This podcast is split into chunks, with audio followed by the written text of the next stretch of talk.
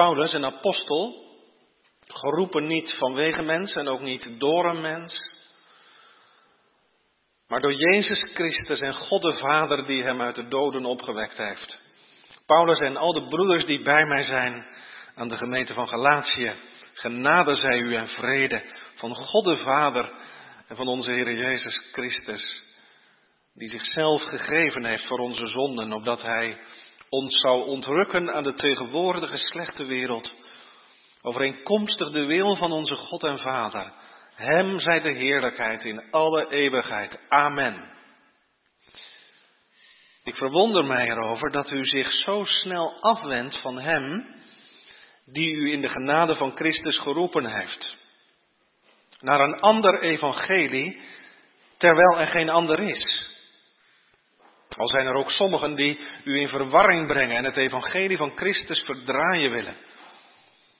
Maar zelfs als wij, of een engel uit de hemel, u een evangelie zouden verkondigen, anders dan wat wij u verkondigd hebben, die zij vervloekt. En zoals wij ook al eerder gezegd hebben, zo zeg ik het ook nu weer, als iemand u een evangelie verkondigt, anders dan wat u ontvangen hebt, die zij vervloekt. Want ben ik nu bezig mensen te overtuigen of God? Of probeer ik mensen te behagen? Als ik immers nog mensen behaagde, zou ik geen dienstknecht van Christus zijn. Maar ik maak u bekend, broeders, dat het evangelie dat door mij verkondigd is, niet naar de mens is. Want ik heb dat ook niet van de mens ontvangen of geleerd, maar door openbaring van Jezus Christus. Tot zover. Wij danken de Heer voor zijn woord. Zalig zijn zij die het woord van de Heer horen en die dat bewaren in hun hart. Amen. Gemeente, na het amen van de verkondiging zingen wij Psalm 89, het zevende en het achtste vers. Psalm 89, vers 7 en 8. Na het amen van de verkondiging, ik lees u als kerntekst eh, vers 6 en vers 7 waar wij gehoord hebben, ik verwonder mij erover dat u zich zo snel afwendt van Hem, die u in de genade van Christus geroepen heeft naar een ander evangelie, terwijl er geen ander is. Al zijn er ook sommigen die u in verwarring brengen en het evangelie van Christus willen verdraaien. Het thema van de preek van morgen slechts één evangelie. Gemeente van onze Heer Jezus Christus. Het evangelie, heeft iemand eens gezegd, is net als vacuüm. En ik kan me voorstellen dat vanmorgen de kinderen in de kerk zeggen, wat is nou vacuüm? Weet je wat dat is? Je weet allemaal wat het is. Ik begin vanmorgen maar met een hele eenvoudige vraag. Hoe lang is het geleden dat je ergens bent geweest waar een pak koffie losgemaakt werd? Heb je dat wel eens gezien? Ligt er een beetje aan waar je boodschappen doet, hè, maar de een die, die knipt hem open. Als je zo'n pak koffie voelt, dat is helemaal hard, stevig. En als je de scharen erin zet, dan gaat die lucht aanzuigen. Je hebt het ook wel eens bij vlees. Vacuüm betekent dat alle lucht eruit gezogen wordt. En als kind leerde ik van mijn moeder dat als ik koffie ging halen in de winkel, moest ik even in het pak knijpen. Want als die niet stevig was, dan was die niet vacuüm. Nou, met het vacuümgemeente, dat is heel eenvoudig. Kijk, iets is of vacuüm of niet. En ik dacht, zo is het met het evangelie ook. Het is of 100% evangelie of geen evangelie. En daarover gaat de brief aan de Galaten. Een van de meest vurige, stevige brieven van het Nieuwe Testament. Die brief laat ons zien, als je een dienstknecht van de Heer Jezus Christus kwaad wilt hebben, dan moet je aan zijn meester komen. Als je die brief zou doorlezen, en ik kan het u aanraden om dat eens op uw gemak te doen, dan kom je erachter, de apostel Paulus die kookt. Hij zegt tegen die gemeente, ik verbaas mij erover dat u zo snel van het evangelie af zich van het evangelie afwendt. Maar ga er maar vanuit dat dat toch maar heel zacht uitgedrukt is. Apostel Paulus die reageert als door een wesp gestoken. Als hij hoort wat er gaande is in die gemeenten van Galatië. Waarom? Nou gemeente, omdat het evangelie in het geding is. De blijde boodschap. We hebben dat samen gelezen. Er wordt daar in die gemeente van Galatië een ander evangelie verkondigd sinds de apostel Paulus daar weg is. En misschien dat hier dan vanmorgen iemand eens die, ja, die denkt, weet je, is dat nou zo'n groot punt? Er is daar toch mooi maar een gemeente. En er wordt het woord gepreekt, het woord gaat open, er wordt gebeden, gezongen. Nou, wacht even. Paulus zegt, u hoort nu een ander evangelie, terwijl er geen ander evangelie is. Dus er is maar één boodschap. En er is maar één prediking die evangelie mag heten. Het is heel belangrijk dat we dat weten. Er is maar één evangelie. En de rest, zegt Paulus, de rest is verdraaiing. Dat is de blijde boodschap omgekeerd en op zijn kop.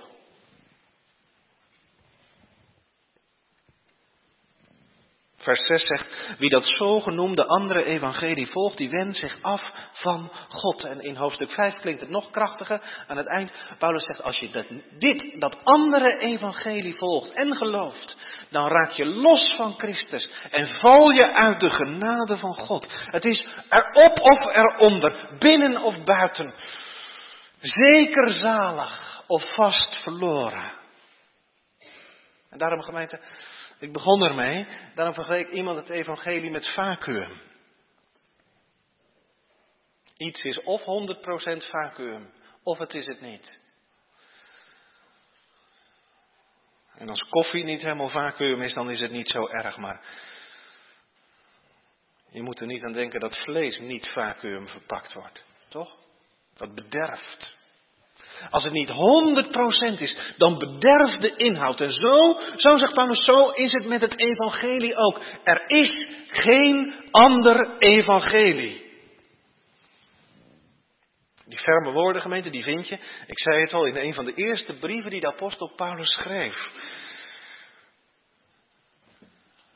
Je moet je even voorstellen, 15 jaar, 20 jaar na de kruisiging en de opstanding van de Heer Jezus. En die gemeenten in Galatië, die zijn ongeveer een, een, een jaar, hooguit twee, geleden gesticht door de prediking van het evangelie. Als je verder leest, dan kom je erachter. Hè? Ik weet niet hoe u dat hebt gemeten, maar als ik het Nieuwe Testament lees, dan, dan, dan kan ik wel eens een beetje jaloers worden. Hoe dat daar begon. Het moet indrukwekkend geweest zijn. Hè? Paulus zegt, ik heb, ik heb zo gepreekt alsof Christus onder u gekruisigd werd. Die preken van de apostel Paulus waren net schilderijen. Ik heb u Christus voor ogen geschilderd als zijnde onder u gekruisigd. Weet je wat het mooie is? Aan zo'n preek verbindt de Heilige Geest zich graag. Aan de prediking van de Heer Jezus Christus. Aan de prediking van het kruis. En die Heilige Geest, ja, de, de geestdrift, die was overal te tasten. Ze ontvingen Paulus als een engel van God. Dat lees je in hoofdstuk 4. Als was hij de Heer Jezus zelf. Dat is mooi, hè? Ik denk, u, u zult dat wel herkennen. Die, die Galaten en, en de apostel Paulus, die waren aan elkaar verknocht geraakt. Dat gebeurt onder de prediking van het evangelie.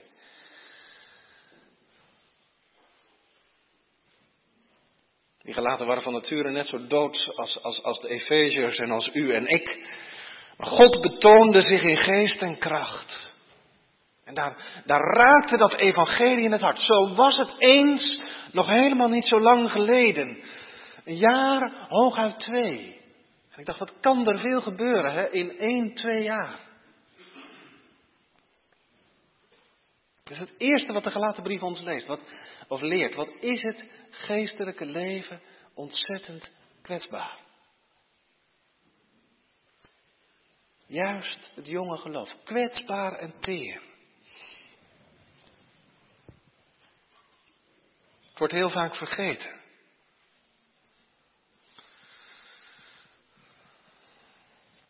Ik mis dat wel eens een beetje, gemeente. De, de fijngevoeligheid als het gaat over het geestelijke leven. Soms krijg ik wel eens de indruk vandaag dat als er in de kudde van de Heer Jezus een, een lam geboren wordt, dan verwachten sommige mensen meteen dat ze kunnen praten en lopen. Toch? Krijg je huisbezoek? Dan zeggen ze, vertel er eens wat van. Weet je wat ik zo mooi vind? De profeet Jezaja zegt van de Messias zo mooi. Hij zegt, hij zal, de, hij zal hen zachtjes leiden, die kleintjes. Hij neemt ze in zijn armen, draagt ze in zijn schoot. Hij weet wat hij van ze kan verwachten. Zwak van moed en klein van krachten. En zo gaat hij ook met ze om. Gemeente, het jonge geloof is ontzettend kwetsbaar, teer. En daarom zegt apostel Petrus ook, als pasgeboren kinderen, wat heb je nou nodig? Hè? Als je net tot geloof gekomen bent. Als je net het wonder van de genade hebt geleerd. Het geheim van zalig worden. Door Jezus Christus alleen. Wat heb je dan nodig? Petrus zegt, als pasgeboren kinderen, verlang vurig naar de zuivere melk van het woord, opdat u daardoor mag opgroeien. Dat hadden die gelaten nodig. Ik weet dat je er voorzichtig mee moet zijn om het, het geloofsleven te vergelijken met, met de ontwikkeling van het natuurlijke leven. Maar ik denk, weet u, als, als je. Nou, je hoeft maar naar een baby te kijken.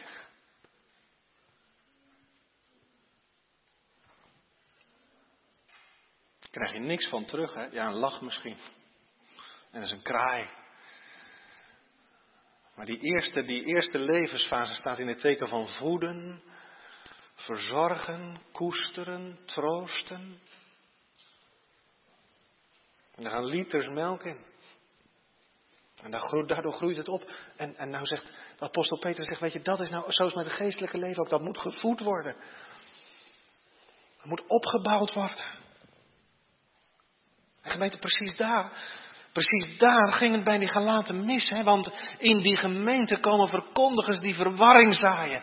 En ze zijn, dat lees je in vers 7.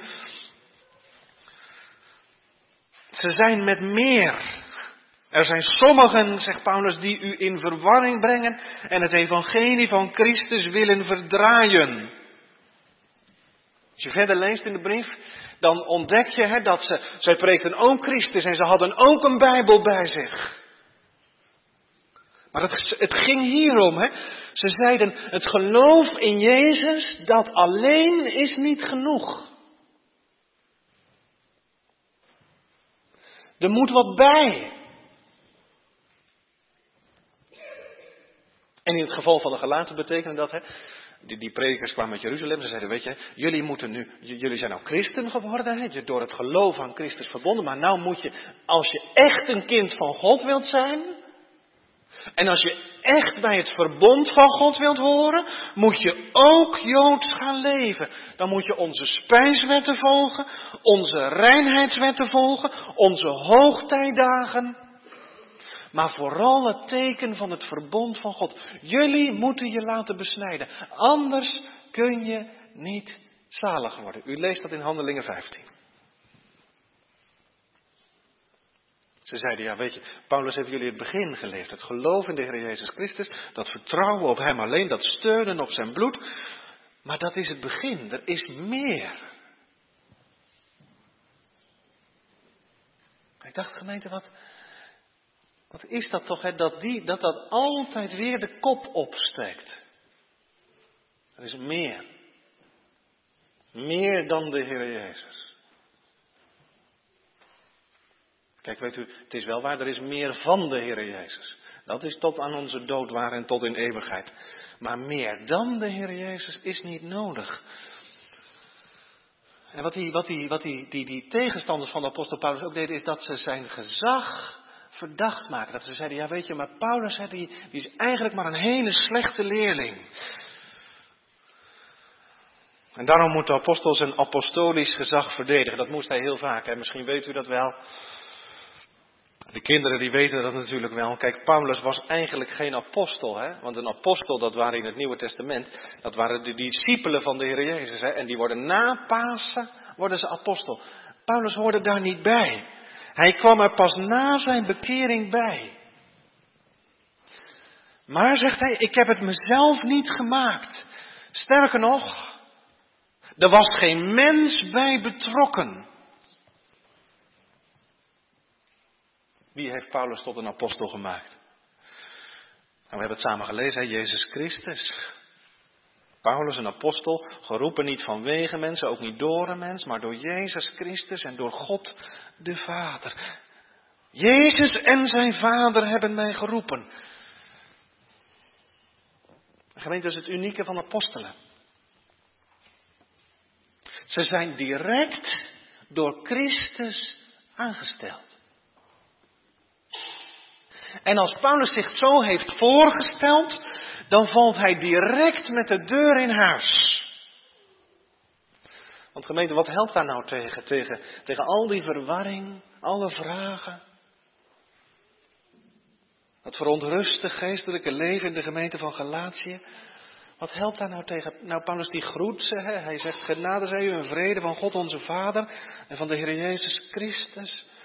Meestal volgt dan in de brieven een, een, een dankzegging. Nou, Paulus die gaat hier direct, hij valt met de deur in huis. Want wat heeft zo'n gemeente nou nodig? Het evangelie. Als in één adem zet hij hen direct voor het evangelie. Wat is nu die blijde boodschap? Wat is nou dat evangelie, dat ene evangelie? Dit. U leest het in vers 4.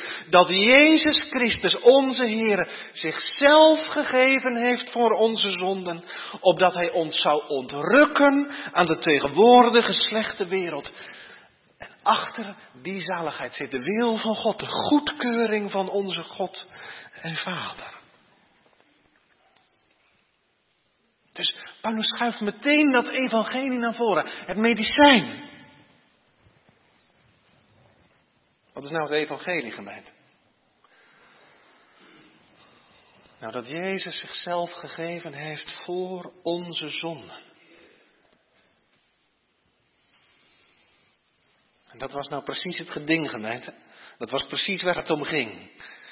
Om die vraag die altijd weer in het geding is in de geschiedenis van de kerk. Die ene vraag, is Jezus Christus nu een volkomen zaligmaker? Of heb je naast hem nog meer nodig? Hij gaf zichzelf. Hij gaf zich over.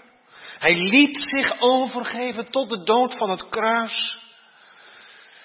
Paulus zegt, zo was het de wil van de Vader. En zo wilde hij het zelf ook. Hij liet zich overgeven voor onze zonden. En daar zit dit in, hè? zijn dood en zijn offer is niet voor hemzelf, maar is plaatsvervangend voor anderen. Hij gaf zichzelf in onze plaats. Als het lam van God nam hij mijn plaats in en ondergaat hij het rechtvaardig oordeel van God. Daalt hij af tot in de hel en verzoent hij een goddeloze wereld met God.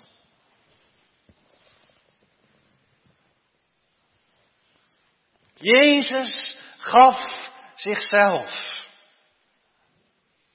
Gemeente, dat is het evangelie. Want het woord van God zegt van dat geven van Jezus en van dat offer, dat ene offer van Christus, dat is genoeg. Dat is genoeg. U leest dat onder andere in de Hebreeënbrief. Hij heeft met één offerande in eeuwigheid volmaakt degenen die geheiligd worden. Dat is het enige fundament. Eens en voor altijd. Dat offer is de vaste rots. Hè? Jezus die de straf gedragen heeft in mijn plaats. En Paulus zegt op een andere plaats, hij zegt, weet je, als Christus mijn straf gedragen heeft, Romeinen 8 vers 1, dan is er geen verdommenis meer voor mij.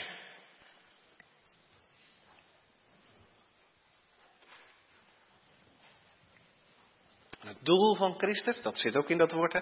het doel van de Heer Jezus is, Hij gaf zichzelf over voor onze zonden, opdat, dat geeft de reden aan, hè, opdat Hij ons zou ontrukken aan de tegenwoordige slechte wereld. Dat Hij ons daaruit weg zou trekken, uit die wereld die ondergaat. Die zondige, ellendige toestand waarin ik me bevind omdat ik in Adam ben. Dat is dus het evangelie, gemeente. Christus gaf zichzelf op dat hij ons uit deze ondergaande wereld zou ontrukken. Redden. Gemeente, ik zoom daar nog eventjes iets op in. Op vers 4. Moet u eens goed lezen. Als aan u nou gevraagd zou worden, wat is het evangelie? Aan jou, jongelui. Wat zeg je dan? Waarom is het evangelie nu een blijde boodschap? Als ik de beleidniscategorisatie geef, is dat altijd mijn eerste vraag. En het is ook de laatste vraag. Waarom is het evangelie blijde boodschap?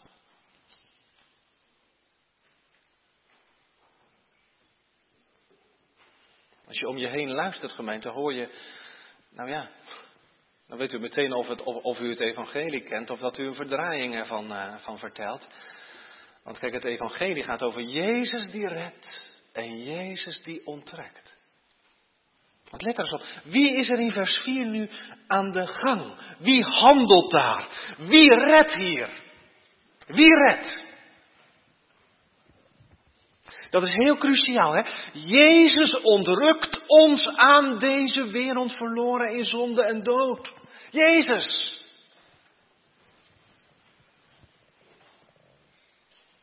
Je hoort dat nog wel eens om je heen. Dan zeggen mensen, ja zeggen, weet je, het evangelie wil zeggen dat Jezus alles heeft volbracht. En, en nou ja, dat is nou gebeurd en nu moet jij in de benen. Toch? Daar moet jij op reageren. Dan zeggen we dus eigenlijk, Jezus schiep de mogelijkheid tot redding. De mogelijkheid is er. En nu is het aan ons of we daar gebruik van maken. Is dat wat vers 4 zegt?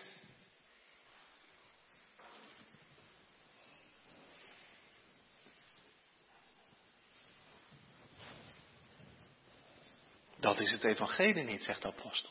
Dat is het evangelie niet. Want voordat wij in de benen komen, geestelijk gezien, hè, komt Christus in de benen. Nadat hij alles heeft volbracht, wordt hij in het graf gelegd en hij staat op uit de doden. Waarom? Omdat wat hij verdiend heeft te gaan uitdelen in de verkondiging van het evangelie en later door zijn geest en om dat ook te gaan toepassen. Hij gaf zichzelf opdat hij ons zou ontrukken.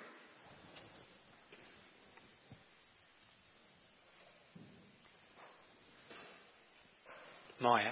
Dus voordat ik tot Christus kom, komt Christus tot mij. In het evangelie. En voordat ik hem zoek, zoekt hij mij in het evangelie. Zo belangrijk, hè, gemeente. De Heer Jezus kwam ons niet vertellen hoe wij gered kunnen worden. Jezus kwam niet om recepten uit te delen. Om te zeggen, weet je, als je nou dit doet en dat en zus en zo, dan.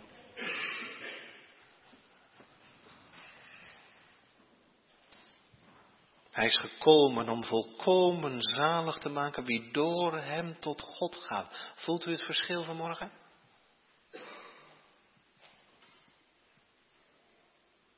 Jezus is geen adviseur maar hij is een redder. Verlosser. Hij gaf zichzelf en hij alleen redt. En zo is het de wil van God en van onze Vader. Ik dacht gemeente, wie, wie zelf nog van alles kan die, en, en wie alles kan bedenken en beloven en proberen, die zal zich nooit aan de Heer Jezus overgeven. Weet u, waar, je het ware geloof aan herkent, gemeente? Aan dit ene. En weet je hoe je weet of je het evangelie hebt begrepen?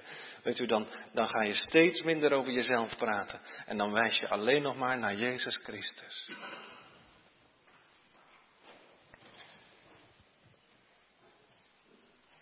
En in Christus wijs je naar de Vader en de Heilige Geest. En dan zeg je hartgrondig, zoals de apostel zegt, hè, Hem zij de heerlijkheid in alle eeuwigheid. Amen. Hem alleen. Alle roem is uitgesloten. En dat maakt het evangelie gemeen tot blijde boodschap. Jezus redt. Hij alleen. Of vecht u daar altijd nog tegen?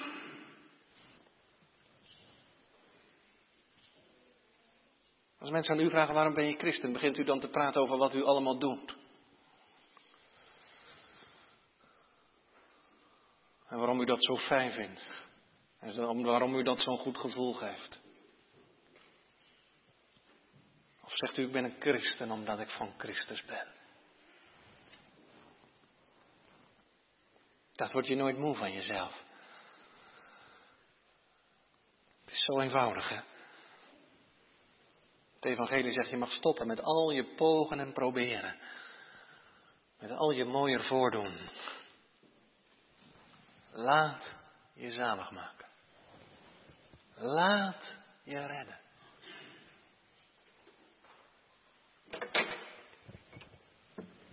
We gaan even verder.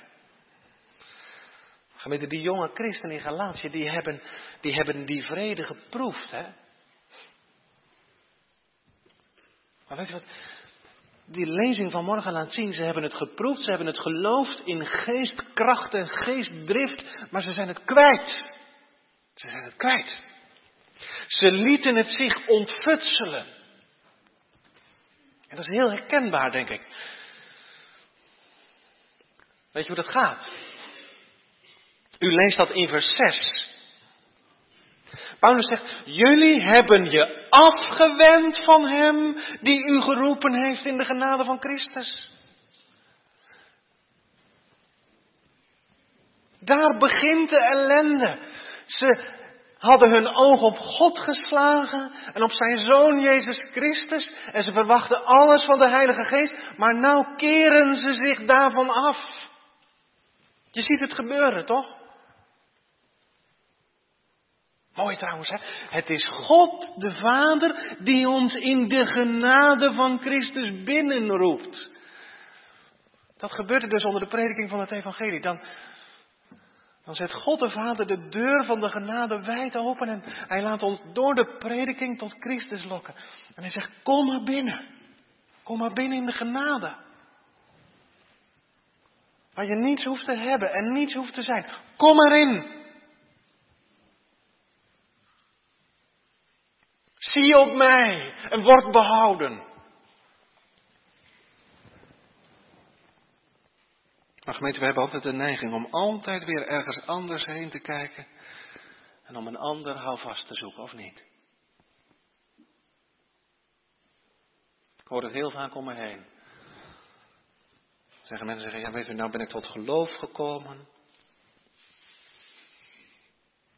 En nou begint het. Toch? Dan moet de dominee een beetje praktisch spreken. En dan kunnen we het allemaal leren hoe het moet. Stap voor stap. Of niet?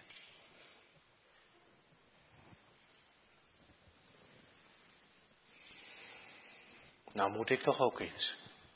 Of niet? Dat is heel subtiel, hoor, gemeente. Heel subtiel. Dat hangt soms in een gemeente. Als je dit niet doet of dat niet doet, dan?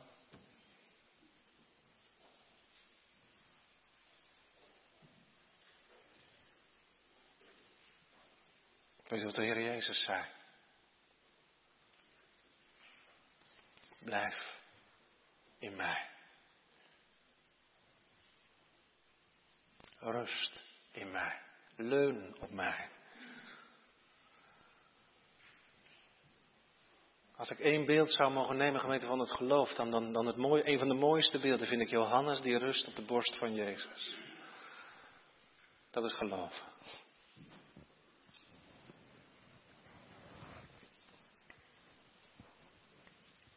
Paulus zegt, zo is het gegaan. En, en dat, daar, daar leren wij dus ook van, hè? want wend u niet af van hem die u in de genade van Christus riep, anders verlaat u de Heer voor een ander evangelie, terwijl er geen ander evangelie is. U zegt, en als het dan geen, als het dan geen evangelie is, die boodschap die ik hoor, ook misschien wel nadat je tot geloof gekomen bent. Als het geen evangelie is, wat is het dan? Nou zegt Paulus, weet u, als het geen evangelie is, dan is het gewoon wet. Wet. Dan moet je zelf aan de slag en dan moet je zelf wat doen.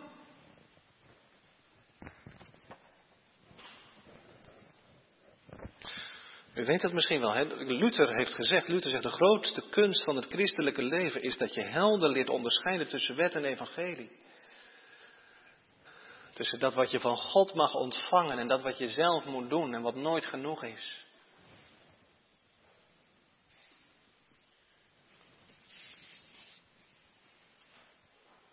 Elk ander evangelie, zegt Paulus, draait de zaken om. Moet je onthouden, jongen. Het draait de zaken om. Het keert het om. De een die zet er iets voor. En die zegt eerst dit.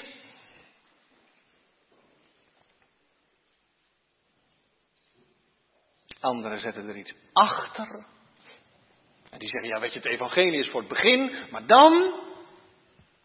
Nee. nu moet je Dat is het zogenaamde evangeliegemeente van Christus en. Voor de gelaten was dat Christus en de uh, werken van de wet. Christus en de Joodse wet.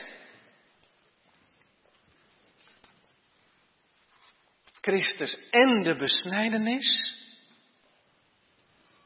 En ze dachten, weet je, nou, de, wij geloven in Christus en als we ons dan ook nog laten besnijden, staan op het punt om het te laten doen, dan worden we zeker door God aangenomen. Paulus zegt, mis, mis. Het is een leugen. Het is een verdraaid evangelie. Dat was het toen. Ik ga er zomaar vanuit dat niemand van u voor de besnijdenis gaat. Maar wat schrijft u er in uw hoofd vaak bij? Christus en. Zeg het eens.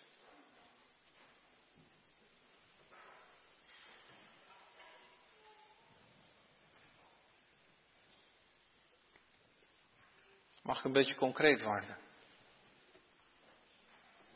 Ik dacht, hoeveel zitten er nou niet verstrikt in een ander evangelie? Hè?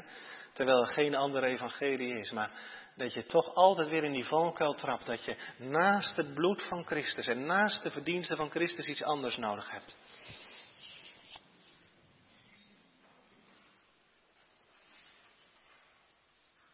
Ik dacht, hoeveel mensen bouwen de zekerheid van het geloof ten diepste op hun eigen inspanning voor God?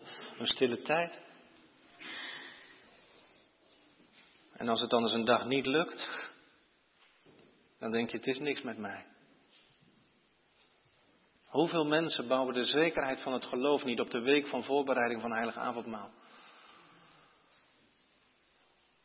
Je hebt een diepe hoop dat als je die week het iets keuriger doet, Iets inniger, iets vromer. Mag ik daar dit van zeggen, gemeente? Als u het gevoel hebt dat het in de week van voorbereiding anders moet, dan moet het in uw hele leven anders. Maar niet alleen die week. Waar ligt nou het fundament?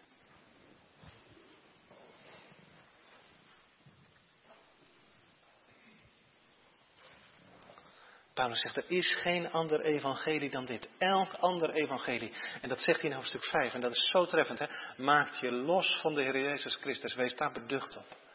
Dat gebeurt er. Het maakt je los van de Heer Jezus Christus. Het haalt je bij Hem weg. En ik denk dat iedere christen dat moet leren. Om daar beducht voor te zijn. Om dat op te merken.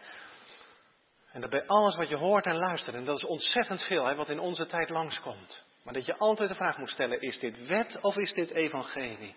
En dat je jezelf ook moet afvragen. Leert dit mij nu om op Christus te zien of wendt het mijn blik van de Heer Jezus af? Want het raakte mij gemeente dat Paulus niet zegt, dit is jullie allemaal overkomen. Je zou denken, jonge christenen, Paulus gaat er wat voorzichtig mee om. Nee, nee. Hij zegt, u hebt zichzelf afgewend.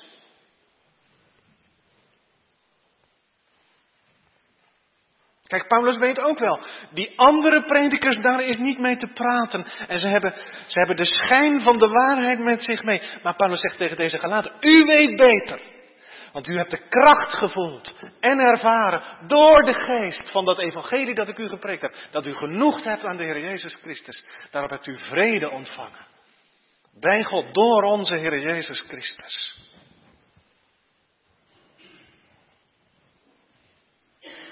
U hebt zich van hem afgewend. En daarom gemeente, als dat vanmorgen over u gaat, hè. Er is één les in het geestelijk leven, die is zo eenvoudig. Die, die zegt, weet je, als je de Heer Jezus kwijt bent, dan moet je terug naar de plek waar je hem kwijtgeraakt bent. Dan moet je terug naar het kruis. Dan moet je terug naar de genade. Want daar is hij. Altijd terug naar het kruis. Terug naar waar hij zegt, en Luther zei dat zo mooi in dat prachtige lied. Maar terug naar die plaats waar hij zegt, houd u aan mij. Ik geef mijzelf geheel voor u. Want ik ben uw en u bent mijn.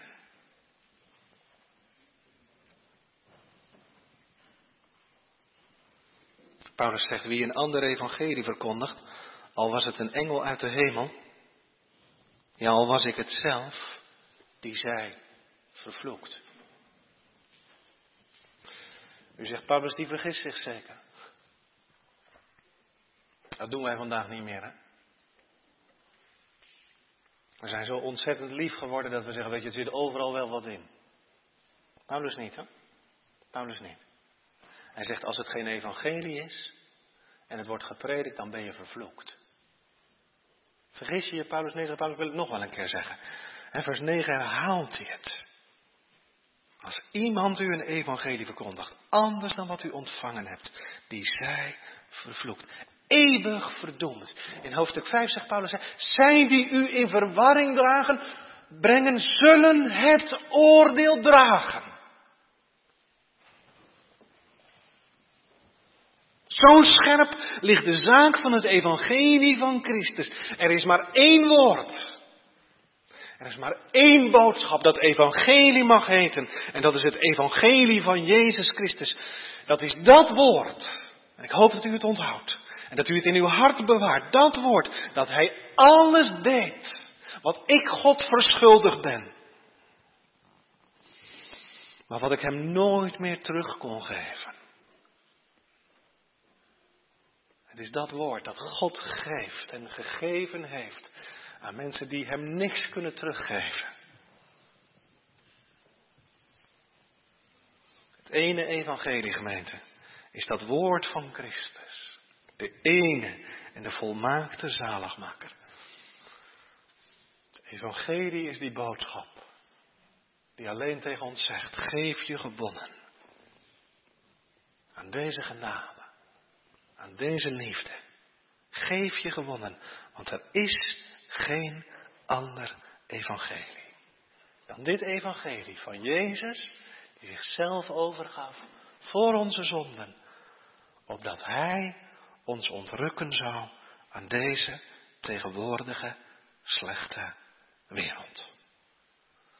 De Heer zegent zijn woord om Christus wil. Amen.